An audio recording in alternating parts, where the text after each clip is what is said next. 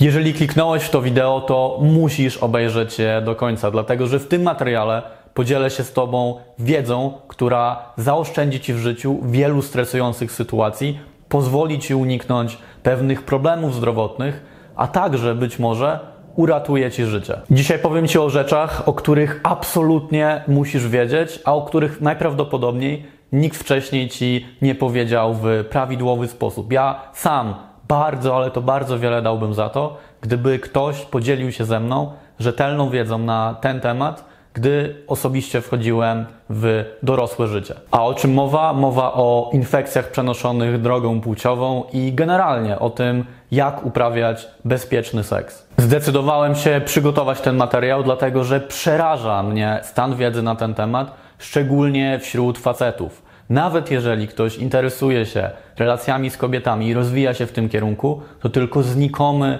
procent tych osób ma rzetelną wiedzę na temat bezpiecznego seksu i infekcji wenerycznych. Parę tygodni temu opublikowałem na naszej grupie na Facebooku ankietę, z której wynikało, że ponad połowa osób, które udzieliły odpowiedzi w tej ankiecie, ma zaledwie przeciętną wiedzę na tematy, które dzisiaj poruszę, a ponad jedna czwarta, ponad jedna czwarta facetów, którzy wzięli udział w tym sondażu, stwierdziła, że nie ma w tych sferach tak naprawdę żadnej wiedzy. Swoją drogą, jeżeli jeszcze nie dołączyłeś do naszej grupy na Facebooku, to możesz to zrobić klikając w link, jaki podałem w opisie tego materiału i dołączyć do grona facetów, którzy starają się stać się bardziej atrakcyjną i bardziej szczęśliwą wersją siebie. Natomiast wcale nie dziwię się facetom, którzy udzielili odpowiedzi w tej ankiecie, dlatego że ja przez kilka dobrych lat sam bałem się w kontekście kontaktów seksualnych tylko tak naprawdę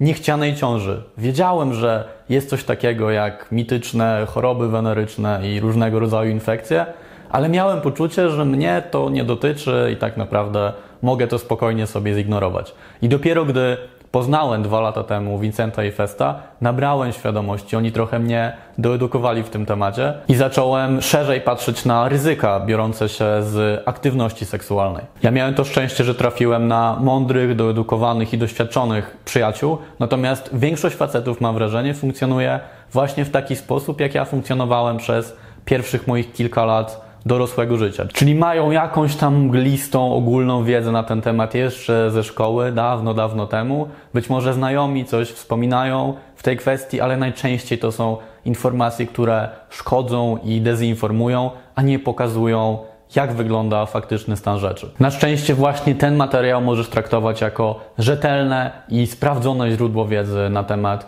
infekcji wenerycznych i na temat bezpiecznego seksu. I tu jeszcze małe wyjaśnienie. Mówię o infekcjach przenoszonych drogą płciową, a nie o chorobach przenoszonych drogą płciową, dlatego że nie każda infekcja prowadzi do choroby wenerycznej. Generalnie możemy wyróżnić cztery rodzaje infekcji: pasożytnicze, grzybicze, wirusowe i bakteryjne. Do infekcji najczęściej dochodzi poprzez bezpośredni kontakt z wydzieliną dróg narządów płciowych albo krwią osoby zakażonej. I choroba wynikająca z infekcji może rozwinąć się na jamie ustnej, na skórze, a także bezpośrednio na narządach płciowych. A w części przypadków te objawy tak naprawdę przez długi czas są uśpione, natomiast część chorujących nie ma żadnych symptomów i żadnych wizualnych dowodów na to, że zostali czymś zakażeni i jeżeli w takim przypadku nie zbadają się, nie będą wykonywali rutynowo badań u lekarza,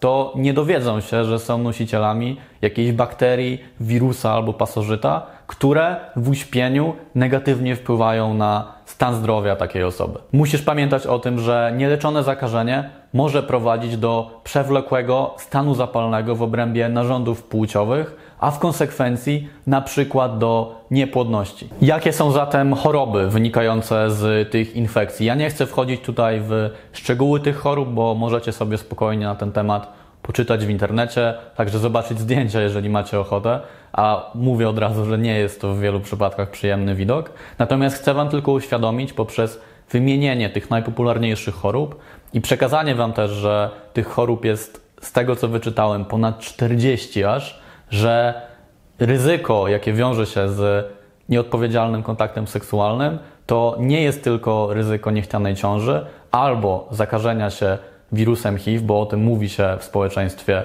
dosyć głośno, ale jest też szereg wielu innych infekcji, wielu innych chorób, które mogą negatywnie wpłynąć na Wasze zdrowie, a długoterminowo być może również na Wasze życie. Takie najpopularniejsze i najgroźniejsze choroby, przynajmniej w naszym regionie świata, to kiła, rzeżączka, chlamydioza, kandydoza, czyli grzybica narządów płciowych, opryszczka narządów płciowych, kłykciny kończyste, które są wywoływane przez wirus HPV, AIDS wywoływany przez HIV, a także wirusowe zapalenie wątroby, zwane potocznie żółtaczką. Tutaj na szczęście, przynajmniej jeżeli chodzi o typ B wirusowego zapalenia wątroby, od ponad 20 lat każde niemowlę, które urodzi się w Polsce, jest obowiązkowo szczepione przeciwko tej chorobie. Dobra wiadomość jest taka, że jeżeli nie wszystkie, to przynajmniej większość tych chorób nie jest na tyle poważna, aby znacząco nadszarpnęła Twoje zdrowie.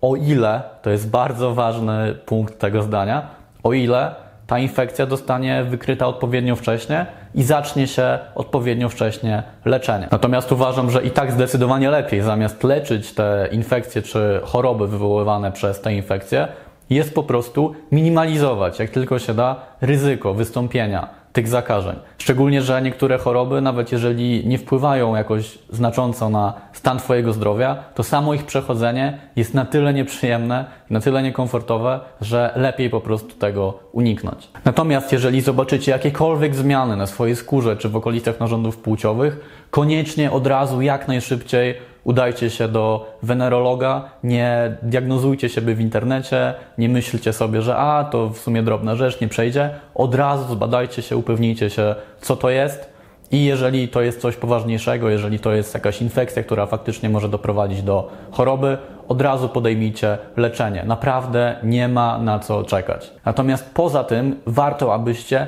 regularnie chodzili na wizytę do lekarza, aby sprawdził wasz ogólny stan narządów płciowych, a także abyście wykonywali badania przynajmniej dwa albo trzy razy do roku, aby upewnić się, że w waszym organizmie nie ma żadnych nowych infekcji. I nie macie tutaj żadnej wymówki, dlatego że te podstawowe, najważniejsze badania to są najczęściej badania z krwi, które zajmują wam dosłownie parę minut a także nie kosztują zbyt wiele. Zanim powiem Wam o tym, jak minimalizować ryzyko zakażenia, a także na czym w ogóle polega tak zwany bezpieczny seks, to jeżeli uważasz, że to, o czym mówię, jest wartościowe, przyda się Twojemu przyjacielowi i uważasz, że warto, aby więcej osób miało wiedzę na ten kluczowy temat, to podziel się tym materiałem z osobą, którą znasz, zalajkuj to wideo, a także zasubskrybuj mój kanał, no bo dzięki temu mój materiał, ten, a także inne będą po prostu trafiały do szerszego grona facetów. No dobra, to czym jest ten bezpieczny seks?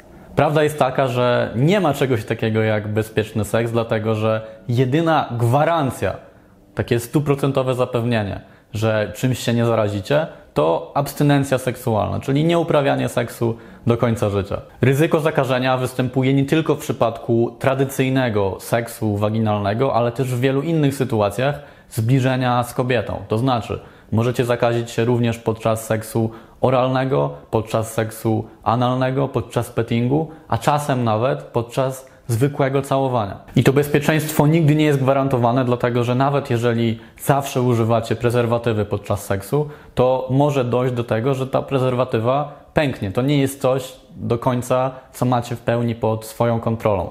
Więc to ryzyko zakażenia można bardzo skutecznie zmniejszać i minimalizować, ale to nigdy nie będzie w pełni bezpieczny seks, to będzie po prostu bezpieczniejszy seks. To co w takim razie konkretnie można robić, aby minimalizować ryzyko zakażenia i uprawiać ten właśnie wspomniany bezpieczniejszy seks? Pierwsza żelazna zasada: zawsze używaj prezerwatyw i używaj ich w odpowiedni sposób, to znaczy upewnij się, że prezerwatywa nie jest przeterminowana, nie jest pęknięta i że używasz jej, nakładasz ją we właściwy sposób. Po drugie, to o czym wspomniałem wcześniej, regularnie się badaj, nawet jeżeli nie masz żadnych objawów czy symptomów zakażenia, a także poproś swoją partnerkę o to, żeby ona przekazała Ci wyniki swoich badań i żeby ona regularnie się badała. Uważam, że warto otwarcie porozmawiać na ten temat z każdą swoją partnerką, bo o ile przynajmniej z mojego doświadczenia wynika, że kobiety znacznie bardziej dbają o tę sferę niż faceci,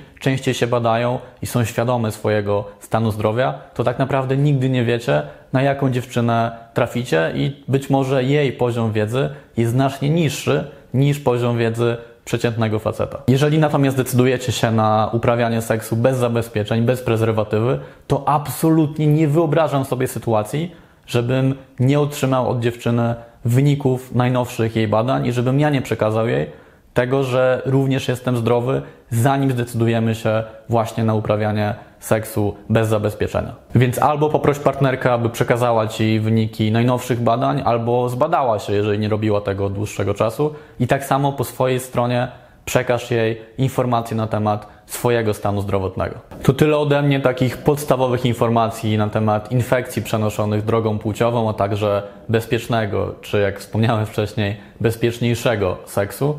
Mam nadzieję, że wiedza, jaką się z Wami podzieliłem, sprawi, że będziecie bardziej świadomi i bardziej odpowiedzialni, jeżeli chodzi o Wasze kontakty seksualne. I tak jak wspomniałem na początku, pozwoli Wam to uniknąć wielu nieprzyjemnych i stresujących sytuacji. Zanim się z Wami pożegnam, prośba, abyście w komentarzach pod tym filmem napisali, czy chcielibyście, abym stworzył więcej materiałów na ten temat, a także jeżeli coś, o czym dzisiaj powiedziałem, jest dla Was niejasne, niezrozumiałe albo chcielibyście o coś dopytać, to śmiało to zróbcie, a ja postaram się wszystkie te pytania, wszystkie te kwestie zaadresować w kolejnym materiale. Do zobaczenia i do usłyszenia. Trzymajcie się.